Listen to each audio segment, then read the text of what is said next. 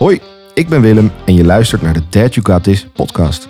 De podcast waar ik als vader van twee kleine kinderen in gesprek ga met verschillende experts over het ouderschap. Want als ik één ding geleerd heb van dit project, daar zijn we nog lang niet over uitgeluld. We kunnen altijd nog iets leren van elkaar en er zijn genoeg taboes om te doorbreken. Aan de slag dus. Eveline Stallaert is seksuoloog en psycholoog. Ze heeft haar eigen praktijk in Amsterdam. Je hebt haar misschien wel eens achter de desk gezien bij RTL Boulevard of als expert bij Married at First Sight. Een seksuoloog mocht van mij niet in het rijtje ontbreken, want ik vind intimiteit erg belangrijk. En dat gebied krijgt behoorlijk wat te verduren als er kinderen in het spel komen. Ik mag vandaag dus ongegeneerd over seks praten. Eerlijk, ik heb slechtere dagen gehad. Ik heb er nu al zin in. Eveline Stallaert, Hallo. wat ontzettend leuk dat je er bent. Nou, dankjewel. Ehm, ik ga gewoon eh vol gas die deur intrappen en Ja. de vraag stellen. Wordt er nog een beetje gesext onder jonge ouders?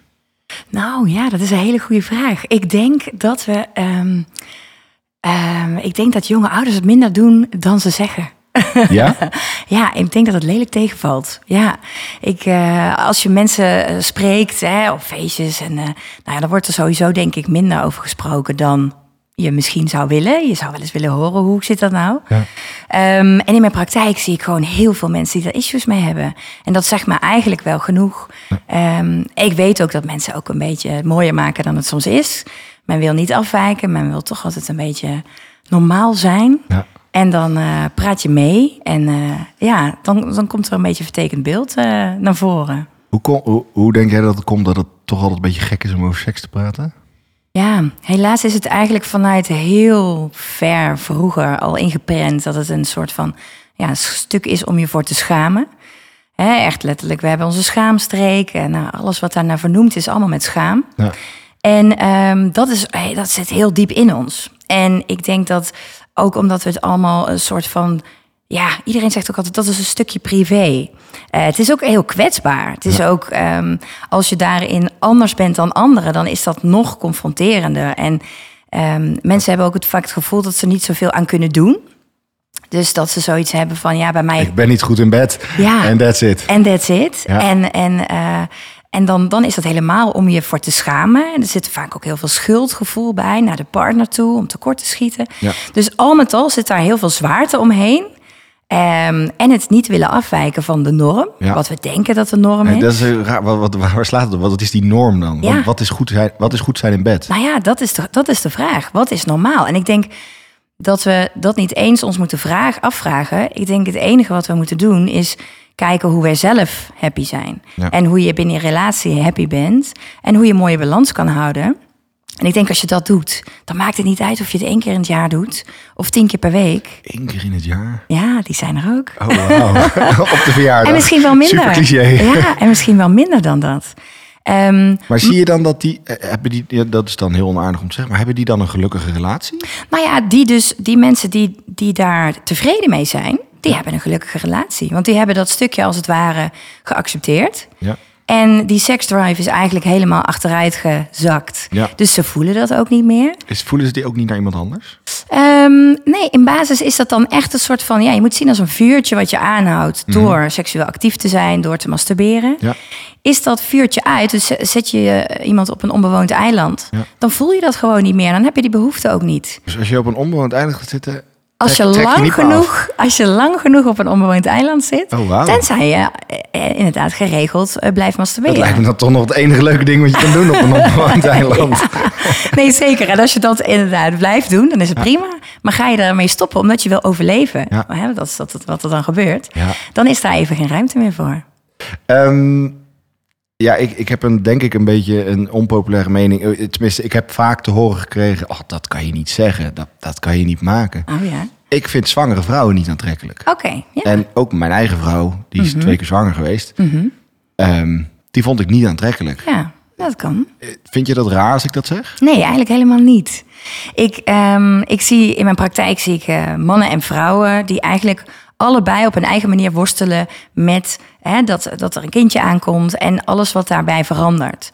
Ehm, het feit dat je dat onaantrekkelijk vindt, ben ik wel benieuwd waarom je dat vindt. Ja. Eh, maar ik vind het absoluut niet gek. Kan jij, kan jij me uitleggen waarom? Of weet je Nou, waarom? het, A, het is anders dan het was. Hè, ze, is een, ze, is een, ze is fysiek een andere vrouw geworden dan waar ik me tot aangetrokken voel. Ja, Ehm, Dus ronder of voller. Ron- eh, dikker, Ja, gezet gezicht en, en ehm, Ja. wat ik er, de dingen die er omheen zitten. En de, je bent natuurlijk, ik heb in je relatie zit je achter gesloten deuren, deel je alles. Hè, je zit op de bank te, te scheten en te doen. En Mhm. ik vond ook gewoon de, de dingen rondom de zwangerschap wat viezer worden. Er wordt meer gegeten en ook Ja. heftiger gegeten. En ik denk, Mhm. jezus, gaat het? Ja. En, en, en dan vind ik het heftig. Eh, Ik, de vrouw is zwanger en dat is een prachtig eh, proces. En Mhm. het is heel mooi. En ik snap dat het natuurlijk voor de vrouw ook een ingrijpend proces is. Ik Mhm. denk dat wij als man heel moeilijk erbij kunnen wat, wat die hormoonverandering Ja. met je doet. ja, ontzettend. Maar het doet ook wat met mij. Ja. En dat vind ik een interessant onderwerp. Hè, dit boek heb ik geschreven om, om de vader wat meer houvast te bieden in, het, in de weerwar van, van Ja. zwangerschap, kinderen krijgen, emoties, onzekerheden en alles wat erbij komt kijken. Ja. Hoe, hoe, hoe jij als seksuoloog, hoe ga, hoe ga ik er als man mee om Mhm. dat die behoeftes uiteenlopen zonder de ander daarmee te beledigen? Ja. Hè, kijk, ik, ik heb er in mijn relatie voor mij, met mijn vrouw voor gekozen om door onze relatie daarvoor Mhm. zijn we allebei hebben we een giftige relatie achter. We hebben ge- altijd eerlijk in Juist. de meest pure vorm. Dus Ja. ook onaardig. Schat, Heel goed. Hoe zie ik in het jurkje eruit? Oeh, een beetje dik. Ja. Ik vind trouwens ook echt een lelijk jurkje. Ja. Niet, oh nou, ik zou dan. Nee, helemaal goed. Ehm, maar ik kan me voorstellen dat niet iedereen dat heeft. Ja. Hè? Dus, eh, als wij dat in de praktijk uitoefenen, worden we ook soms samen een beetje van IC. Laat jij je door je vent zo. eh, Ja. ja, dat graag. Maar hoe, Ja. wat is een. Hoe kan je als man daar goed mee omgaan? Dat de uiteenlopende behoeftes. Ja. Ja, die, die gaan negen maanden lang en vaak ook nog daarna. Mhm. Gaan die best uit elkaar. Ja. Hoe- Ja, ja, het allerbelangrijkste is, nou ja, wat je al zegt, eigenlijk dat gesprek aangaan. Ja. Dus het is al heel belangrijk, daar haal je eigenlijk al een eerste angel eruit, zeg maar, uit de Ja. situatie. Dus je gooit eerlijk op tafel, hey, dit is hoe ik me erover voel. Ja. En eh, dat kan misschien niet fijn overkomen op je, maar dat voel ik. Ja. En dat mag dan. Ehm, dan is het heel belangrijk dat je gaat kijken of je samen tot een soort van overeenstemming kan komen. Als jij zegt van, nou weet je, voor mij gaat die deur dicht naar seks, want ik, ik vind dat niet aantrekkelijk, dus er gebeurt bij mij niks, Ja. dan houdt het op. Maar je kan misschien wel een tussenweg gaan zoeken van hoe kunnen wij seksueel actief zijn, wel met het feit dat jij ja, daar toch misschien wel een klein beetje moeite hebt om die Ja. opwinding te pakken. Of Ja. ik weet niet hoe je dat ervaart. Ja. Ehm, dus ik denk dat het belangrijkste is dat je erover in gesprek gaat, eerlijk over bent. En dan eigenlijk een middenweg gaan zoeken. Want ik weet niet, was jouw vrouw wel behoeftig in seksuele Het hing contact? sterk van de, van de periode af. Nou is mijn vrouw over het algemeen, eh, dat is wel interessant aan onze relatie, seksbehoevender dan ik. Oké. Zij heeft ook een iets wat mannelijkere vibe, Mhm. energie, eh, hormonen, weet ik niet hoe dat. eh, Mhm. en ik ben de wat verzorgendere. Ja. Terwijl ik toch ehm, voor de buitenwereld en in onze fysieke omgang de wat dominantere ben. Mhm. Ehm, hoe zijn wij daarmee omgegaan? We, we hebben het gedaan, Ja. ook omdat ehm, we hebben een vrij actief seksleven voor onze kinderen. En als ik jou ook, hè, wat jij net hoort zeggen, het, als het vuurtje al aanstaat, ja.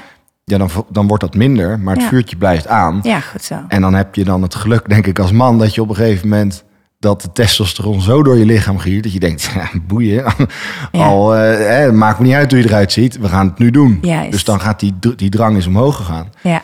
Maar ik vond er niet aantrekkelijk. Nee, nee, snap ik. En hè, niet, fysiek verandert ook een hoop. Vooral in de laatste fase van het, eh, niet alleen Ja. de buik, maar onder verandert ook een hoop. Ja, zeker. Ja, Ik, ja, want ik hoor, ik hoor bijvoorbeeld veel in mijn praktijk Ja. dat mannen zeggen van, eh, ondanks dat ze weten dat ze door penetratie die, hè, met hun penis die baby echt niet kunnen raken, Ja. maar zijn ze daar stiekem wel bang voor. Ja. En dan is het toch zo van, nou laat dat maar even. ja. En eh, Ja, dat, die, daar had ik geen, dat, dat had ik niet. Ik had niet dat ik, dat ik dacht dat ik erbij want dat ik- klopt een beetje zo'n cliché ding. Ja, van, maar oh, dat- maar ja. als ik een zoon heb, dan... eh, Ah, kom op. ja. Nee, dat... ehm, Nee, maar er zijn wel veel mensen die daardoor in het laatste trimester echt geen penetratieseks meer hebben. ja. Dus in die Maar kan zin. het echt eh, niet? Jawel, kan prima. Nee, maar kan het, kan het niet dat je hem raakt? Nee, nee. Nee, nee, nee, nee, nee, kan niet. Nee, er zit nog een ontzettend groot beschermingsstukje tussen. Eh, Dan moet je in de baarmoedermond. Dat kan helemaal niet, daar kan je penis niet in. Nee, dus, dus, eh, dus dat is inderdaad natuurlijk iets wat, wat in dat hoofd zit. Ja. Alleen dat zorgt er wel voor, als je in je hoofd bent bezig met dat, dan blokkeer je opwinding. En daarmee kan het ook zijn dat die seks gewoon niet loopt. Ja. En dat je dan maar beter kan zeggen, joh, laat zitten. Dus ook als je het uiterlijk van je vriendin of vrouw daarin hè, te in het oog springend vindt en daarin echt merkt, hé, mijn opwinding komt niet tot stand. Ja, ja. Ja, dan moet je zeggen van, joh, dan moeten we daar even wat anders mee. Ja. En dan misschien even niet. En dat is ook oké. Ja. Er zijn heel het in veel ieder geval besproken. ja, Ja. en dan zit je op één lijn. En er zijn heel veel mensen die zeggen van... nou joh, dan laten we toch even. Of een van de twee voelt zich daar toch niet helemaal, helemaal Ja. fijn bij. Maar dan zit die communicatiebasis daar al achter. Ja, Dan heb je het besproken. Ja, en ik denk dat het belangrijk is dat dan de personen zelf nog wel actief blijven. Dus hè, wat ik al zei met masturbatie. Ja. Ja. blijf seksueel actief. Dat is belangrijk. Als je het niet samen doet, doe het dan alleen. Hey, en om dan even in de praktische eh, koker te gieten. Hè, stel je bespreekt het en je wilt allebei wel. Alleen het is een ding. Bijvoorbeeld door onzekerheid over dat je fysiek iets kapot maakt of dat dingen. Als seksuoloog, wat zijn dan de tips? Dat je zegt, wat zijn tips tijdens zwangers? Je bent Ja. zwanger, hoe heb je seks? Ja, hoe heb je seks? Nou, het beste is eigenlijk om ehm, eh, sowieso nul verwachtingen te hebben. Dus loopt het niet, dan loopt het niet. Maar het is belangrijk dat je in je hoofd allebei eigenlijk... Hè, dat klinkt ook heel suf eigenlijk... maar in je hoofd moet je daar echt voor openstaan. Ja. Dus als jij bezig bent met allerlei eh, drukte rondom eh naar het kindje krijgen... wat dan ook, Ja. überhaupt, werk... Stress is echt super slecht voor seks. Stress Los geeft van zwangerschap. Überhaupt. Überhaupt, ja. Überhaupt. Stress maakt cortisol aan en cortisol blokkeert je sekshormonen. Dus dat is het eerste belangrijke iets. Dat hoofd moet op de, hè, toch een beetje relaxed zijn en er moet ruimte voor zijn. Als jij actief open staat van, nou, ik wil dit gewoon aangaan met mijn partner. Nou, ga dan ehm, het vooral comfortabel maken. Ja. Dus het is vooral belangrijk dat zeker de zwangere vrouw gewoon zich op haar gemak voelt. Puffend, kreunend en steunend. Nee, maar is dat dan dus met een negligé aan, wat Ja. er buik een beetje verbloemt? Of is dat Ja. nou op dat moment even misschien niet de hele shebang, maar een vluggertje? Weet je, dus luister naar elkaar, waar is de behoefte? En ehm, dan denk ik dat alles kan, maar luister gewoon naar wat ieder wil. En kijk of je daarin eh, mee kan gaan. En dat is eigenlijk de grote boodschap. En als je vrouw of vriendin daarin echt zegt, maar ik voel me niet goed, laat het dan. Ja. En ik denk ook dat er veel ligt in, ehm, hè, er gaat iets groots nieuws gebeuren. Dat slok je op. Onzekerheid. Ehm, onzekerheid, allerlei dingen die, die komen gaan. Dus ik denk ook dat het belangrijk is dat je samen eh, echt tijd voor elkaar neemt. Ja. Om ehm, die gelegenheid te creëren tot intimiteit. Dus niet per se van we gaan seksen. Ja. Maar wel van we gaan nu even Samen fijn zijn. in bad of we gaan masseren. En dan komt daar vanzelf vaak wel wat uit. Stomme, ik, zit het, ik heb het er nu met je over. En ik realiseer me ineens. Dit is toch, neem het woord zwangerschap weg. En het is hetzelfde, toch? Ja, ja, zeker, zeker. Het zou ook eigenlijk niet anders moeten zijn. Ja. Maar goed, er komen Behalve natuurlijk kwaaltjes. zo groot is. Ja, en daar komen kwaaltjes bij kijken en er komen hormonen bij kijken. En die kan soms, kunnen soms zorgen dat er minder plek is in dat hoofd. Dat er gewoon minder zin is, letterlijk. Ja. Ehm, en, en ja, dat maakt het soms moeilijk. Ja, Herken je dit ook na de zwangerschap met borstvoeding? Want hier Ja. hebben wij bij ons, ons eerste kindje, Pip, die eh, wilde, die die heeft in ieder geval geen borstvoeding gehad. Mhm. Tweede kindje wel. Ehm, een maand of zes. Als ik het nu uit, kan je nagaan. Toen Mhm. Ja. vond ik het heel heftig. Nu weet ik niet eens meer hoe lang het was. Ja, ja. Dus laat Zo dat ook een tip zijn. Alles, alles is een fase en het gaat voorbij. Ehm, mijn vrouw schrok daar voornamelijk heel erg van. Omdat die tijdens de zwangerschap was ons seksleven minder. Ja. En die dacht, hè, yes, straks is het dan Komt een beetje goed. geheeld en dingen. En dan gaan we weer vol gas. ja.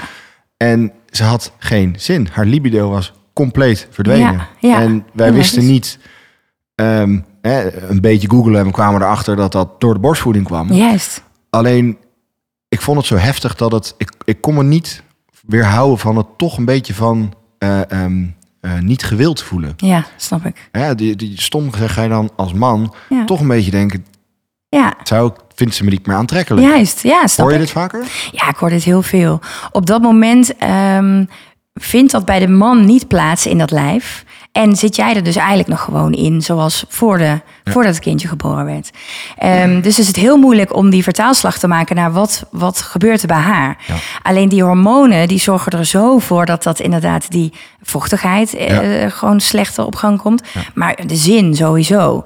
En ehm, eh, heel vaak zeg ik wel van, nou ja, weet je, ehm, eh, probeer dan daarin voor open te staan. Ja. Alleen het is ook wel heel belangrijk dat je dus bedenkt van waarom heeft de natuur dat bedacht? Klinkt even vaag, maar het is soms heel goed om als Ja. man even te, te gaan naar de basis. heeft een logische reden. Nou ja, inderdaad. Want als jij zeg maar eh, als jij als, als vrouw je kind zoogt, hè, dus zo, zoals Ja. we dat eh, vroeger eh, zagen, dan wil je niet alweer eigenlijk een nieuw kind. Ja, Ja. dan wil je niet alweer eh voortplanten opnieuw. Nee, omdat je die zorg dan niet kan Juist, dan kan je die dat zorg niet ja. bieden. Dus het is heel mooi uitgerust van de natuur. Van, je wordt eigenlijk ik niet helemaal nooit over klaargemaakt. nagedacht. Wat grappig. Ja, je wordt niet, niet klaargemaakt voor penetratie. Ja. Omdat er eigenlijk nog geen nieuw leven moet komen. Want je moet eerst iets anders doen. Ja. Die borstvoeding en, en ja, het zogen echt. Dus dat, ja. Dus als je kijkt naar helemaal ja, de oorsprong, Ja. dan snap je die dingen misschien daardoor beter. Dus het is echt gewoon puur natuur. Ja. Dat dat bij jouw vrouw dan eh, niet lukte. Ik vond het wel heel lief. Uiteindelijk, hè, wij, hebben, wij wisten dit niet en het gebeurde. Ja. Hè, wij, gelukkig praten wij goed. Mhm. En is, is dit... Hè, op een gegeven moment zei mijn vrouw... Nou, weet je wat? Ik snap dat jij dit wil. Dus ik zet me er overheen. Doe, Mhm. Ja. doe maar. Ja. Hè? En uiteindelijk zijn we toen gestopt. Omdat dat voor mij ook heel Ja. raar voelde. Want het was een iemand die niet kreunde, niet hijgde... en Nee. het heel lief voor mij deed. Ja. Maar dat was een partij seksloos. Ja. Dus ze zei, en, en, maar toen kwam het gesprek op gang. Ze zei, ja, oké, gingen we googlen, praten met andere mensen. En ja, toen kwamen we erachter dat...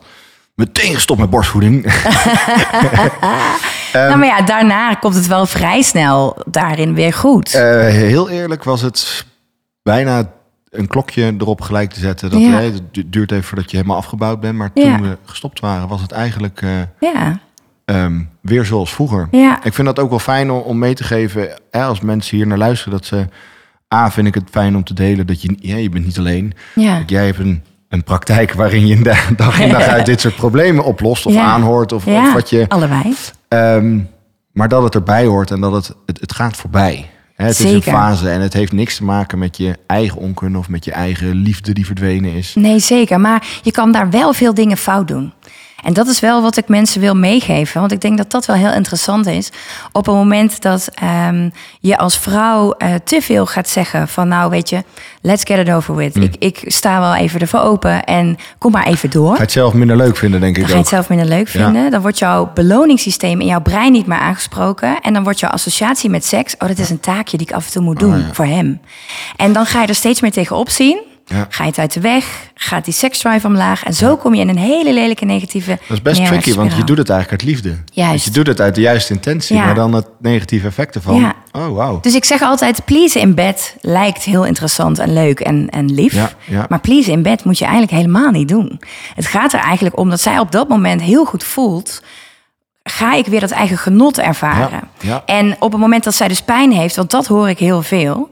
van, ehm, Het doet pijn. van ik bijt er wel even doorheen. Ja, oh. Nee. Wat klinkt dat ja, heftig. als ja, dat- erg. En dat, en dat vinden mannen, want dat hoor ik gewoon vaker. Dat mannen zeggen, oh, dat vond ik echt heel lief van haar, dat ze even door die pijn beet. Nee joh, Ja. fout, mis, stop. Ja. Weet je, pijn is een teken, je bent met je Ja. kop, kopje niet op de juiste plek. Er is niet genoeg opwinding. Even terug in het voorspel of even kijken wat we daarin kunnen doen. Maar ja, dat is echt zonde.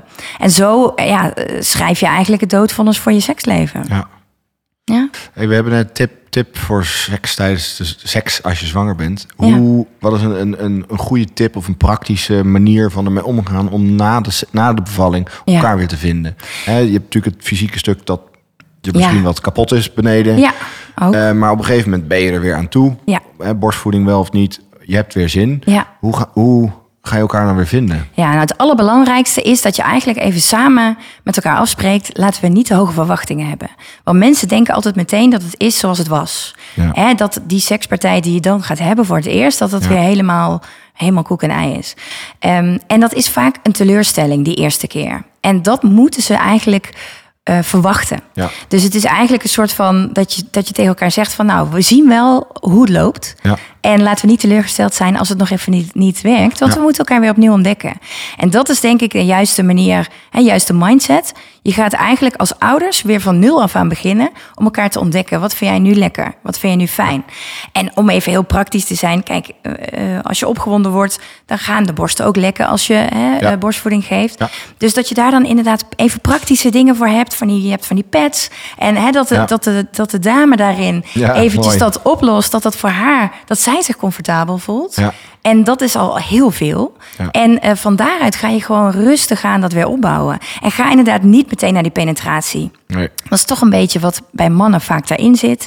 Van eh, that's the real deal. Nee, voorspel, eh, nou ja, überhaupt dat we het voorspel noemen, is al stom. Want daarmee geven we aan dat penetratie het spel is. Ja, Terwijl het zou een mooi geheel moeten zijn van ja, met de hand, oraal, alles mag erbij. Ehm, maar ga het eigenlijk rustig opbouwen. Dus misschien begin daar eigenlijk mee met de hand, met de mond.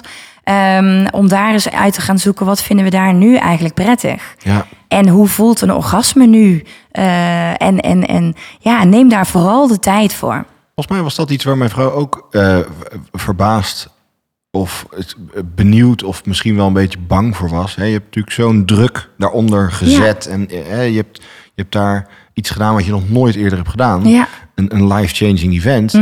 Wat gebeurt er als je daarna weer druk daarop Ja, zet? ja. Eh, dat je daar, want dat, dat- hoe voelt dat? En ik weet, ik, ik kan me dat, we- dat, dat herken ik Ja. wel wat je zegt. Grappig. Ja, en alles zal ook nog anders voelen. Ja. En, en de vrouw moet zichzelf daarin ook echt een jaar geven om weer eigenlijk daarin weer helemaal te herstellen. En Negen dan maanden pas. op, negen maanden af, heb ik altijd. Ja, ja, en maak er maar een jaar van eigenlijk. Ja. Maar dat wil niet zeggen dat dat tot, tot dat jaar niks eh, leuks Nee. plaatsvindt. Wel, zeker wel. Maar na dat jaar, dan merk je pas dat de, dat de vrouw eigenlijk weer de oude kan Ja. zijn. Ja. Ehm, maar het is wel echt belangrijk dat je er wat van maakt. En dat je er echt eigenlijk moeite voor doet. Ja. En heel veel mensen zeggen, seks moet altijd natuurlijk komen. En dat moet maar lopen en gaan.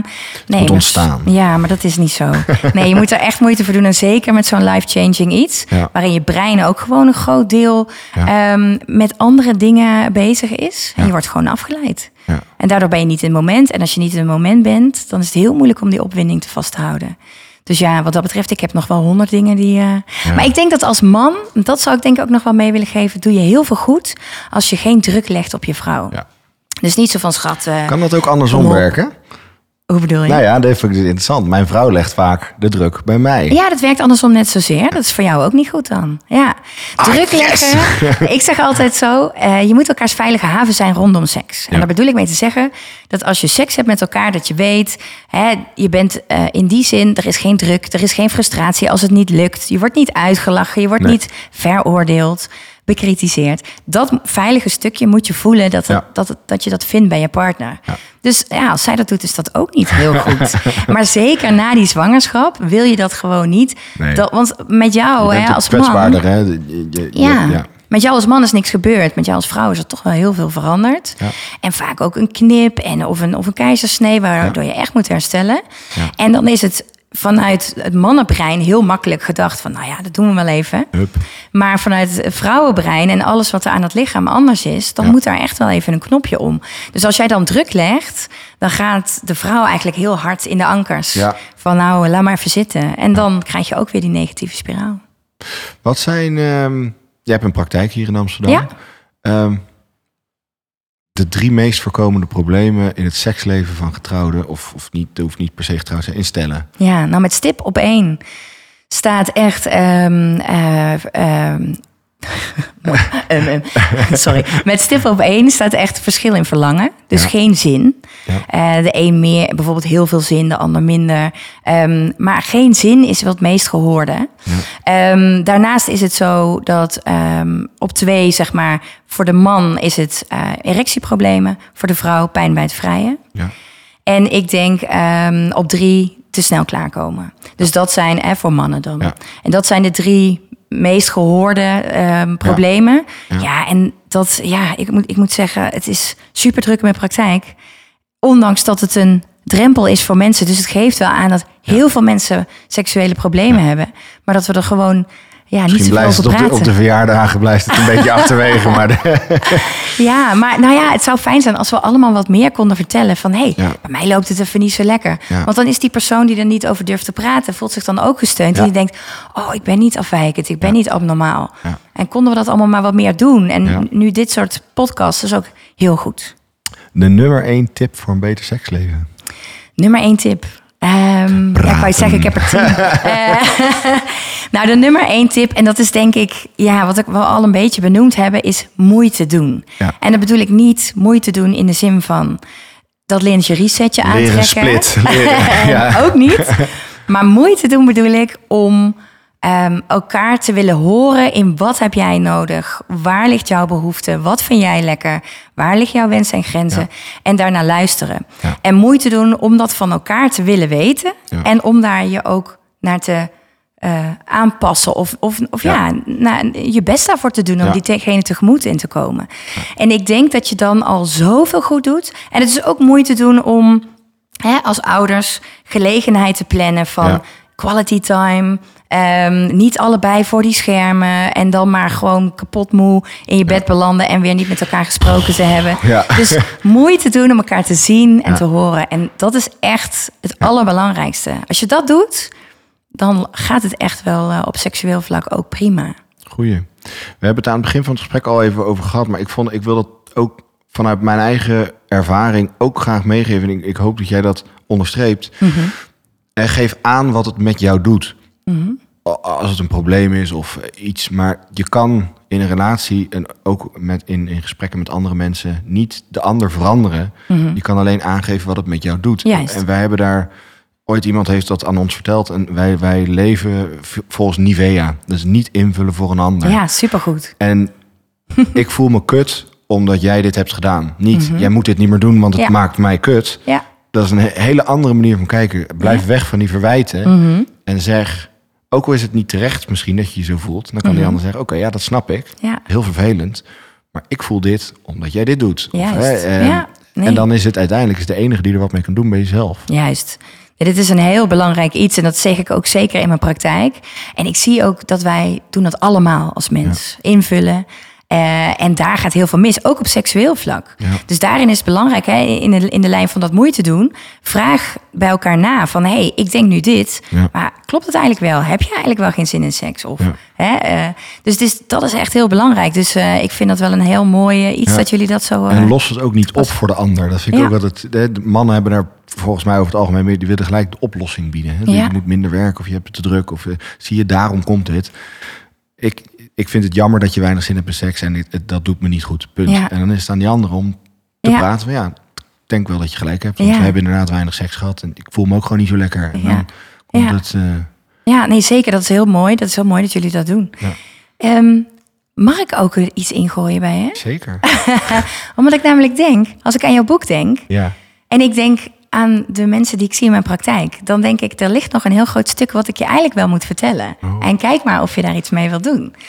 Het punt is namelijk...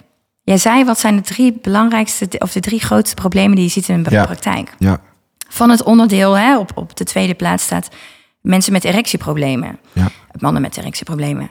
Ehm, ik zie op een moment in mijn praktijk, en dat is ook een beetje deze tijd, heel veel mannen die erectieproblemen hebben, omdat ze heel veel porno kijken. En dan Oh. zou je denken, huh, hoe zit dat in elkaar? Ja. Probeer het even in een notendop vertellen. Ja.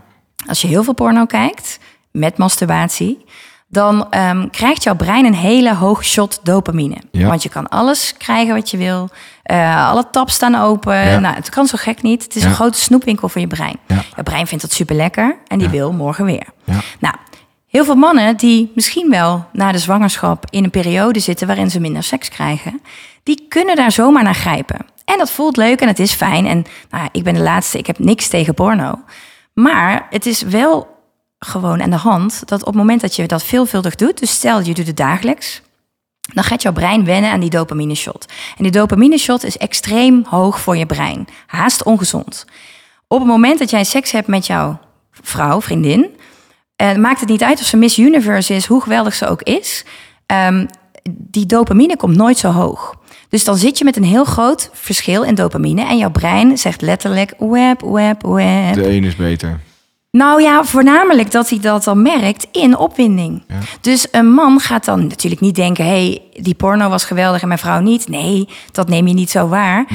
Maar een man voelt dan: ik word niet voldoende bevredigd Ja. in de seks met mijn partner. En op dat moment gaan ehm, partners twijfelen aan hun relatie. Ja. En eh, van ik voel het niet meer bij haar. Ja, dat is die, die grote dopamine shot die jij wil hebben. kennis eh, 6 en S9. Ja, en dat is heel erg. Dus, en op het moment dat dat maar door blijft gaan, hè, stel je Ja. blijft in die relatie en dat blijft doorgaan, dan kan dat uiteindelijk uitmonden in een erectieprobleem. Ga je natuurlijk daarin met je partner nog verder uit elkaar. En zo komen mensen echt een hele, hele serieuze problemen terecht. Oh, ja, nooit, zo, nooit, nooit zo ver bedacht. En ze weten vaak niet dat het ligt aan dat. En het vervelende is dat dat brein wil heel die dopamine shot, maar die heeft ook steeds meer nodig om die dopamine shot dezelfde hoeveelheid te krijgen. Ja. Dus zo gaan mensen ook vaak de randjes opzoeken in seksuele dingen. Ja. Ja, en zo zie ik gewoon heel veel ellende. Is dat ook niet... ehm, ik, vind, ik vind de waarschuwing... of, eh, Als we het een waarschuwing mogen noemen, vind Ja. ik, eh, ik... Ik wist dit niet. Ja, Eh, maar ik begon wel meteen bij mezelf te denken. Ik kijk ook porno. Mhm. Mijn vrouw kijkt ook porno. En wij hebben sowieso in ons seksleven wel, denk ik... als je het over een gemiddelde mag hebben... ja, hebben wij een wat experimentelere Mhm. verhouding. super. Ehm, ik denk ook wel dat als we dat niet zouden hebben, dat Mhm. gevoel heb ik, als wij niet. Hè, we gaan wel eens naar een feestje wat wat erotischer getint is dan normale feestjes. Mhm. Als wij dat niet zouden doen, zou het dan nog leuk zijn. Ja, ik snap het. Ja, ik maar denk. we vinden het wel heel leuk om te doen. Ik heb niet het idee dat ik het moet doen om het leuk te houden. Ja. Maar dat, Het prikkelt dat, jullie. dat- ja, Ja. en we vinden dat gewoon heel leuk. Ja, maar dat is perfect. Om te delen samen. En we, Ja. vinden, weet je, we hebben daarvoor hebben we voorpret. Daarna, on- ons seksleven is beter erna. Ja. Mhm. Omdat we een avontuur hebben beleefd... waar we zelf weer onzekerheden over zijn gestapt... en eh, nieuwe mensen ontmoet. En, ehm, maar ik vind het wel interessant als ik dat tegen jouw verhaal aanleg... Ja. dan word ik bijna een beetje zenuwachtig. Nee. Omdat ik denk, oh, betekent dat dan dus dat we te veel porno kijken... en eigenlijk een slecht seksleven hebben... en die Nee. heftige dingen opzoeken omdat... Nee, dat denk ik niet. Nee, dat denk ik niet. Nou ja, tenzij je echt herkent in het feit van... Hè, als je eh, dagelijks of meer dan dat eh, porno kijkt... dan moet je even achter je oren krabben. Ja. Maar daar is ook heel goed wat aan te doen. Hè? Als Ja. jij dan eh, dat afwisselt met een fantasie... Eruit. Nou ja, of je stopt even met die porno. Dat is allemaal heel goed wat mee te doen. En Ja. neutraliseert het dopamine niveau. En dan kom je daar wel uit. Maar mensen moeten het wel weten. Dus porno met mate, top. Ja, ik wou zeggen, ook niet meteen zeggen dat als je de porno kijkt, dat je nu denkt, oh shit. Nee, lekker porno blijven goed. kijken. Nee, porno is super. En het geeft inspiratie en het prikkelt. En nee, dat is absoluut eh, helemaal prima. Maar inderdaad, na de zwangerschap, ga, sla er niet in door als, eh, als man. Dat is denk ik wel belangrijk. Ik heb nog één confronterende, leuke vraag. Het het is een beetje brutaal, Ja, ga je gang. maar eh, iedereen denkt het altijd. Een seksuoloog heeft natuurlijk het allerbeste seksleven van ons allemaal. Is dit waar bij jou? Wie weet. Nee. nou, ik zeg altijd, ik ben ook maar gewoon een heel normaal mens. Ja. En eh, weet je, de dokter is ook wel eens ziek. Eh, dus ja, weet je, eh, ik, ik weet natuurlijk wat makkelijker als er iets niet aan de of niet goed Je gaat. herkent dingen makkelijker. Ja, ik herken dingen makkelijker. Ik weet natuurlijk ook van, oh, dit gaat even de verkeerde kant op. Moeten we even terugsturen. Ja. Ehm, eh, maar nee, laten we het erop houden dat ik ook maar gewoon heel normaal ben. Ja. En natuurlijk vind ik het misschien leuker dan een gemiddeld mens. Maar that's it. Nee, ik heb geen extreme fantasieën of rijk, eh, rijk seksueel leven. Nee, om dat om te mee. concluderen, praten, praten, praten. Ja, Moeite doen voor elkaar. ja, Vertrouwen. Ja. En eh, ga af en toe naar de seksuoloog. Want het is, niet, het is niet gek om over seks te praten. Absoluut niet. Absoluut niet. Thanks even. Ik vond het echt een superleuk gesprek. Eens gelijk. En ik hoop dat mensen er wat aan gehad hebben. ik hoop het ook. Thanks. Nu, jij ook.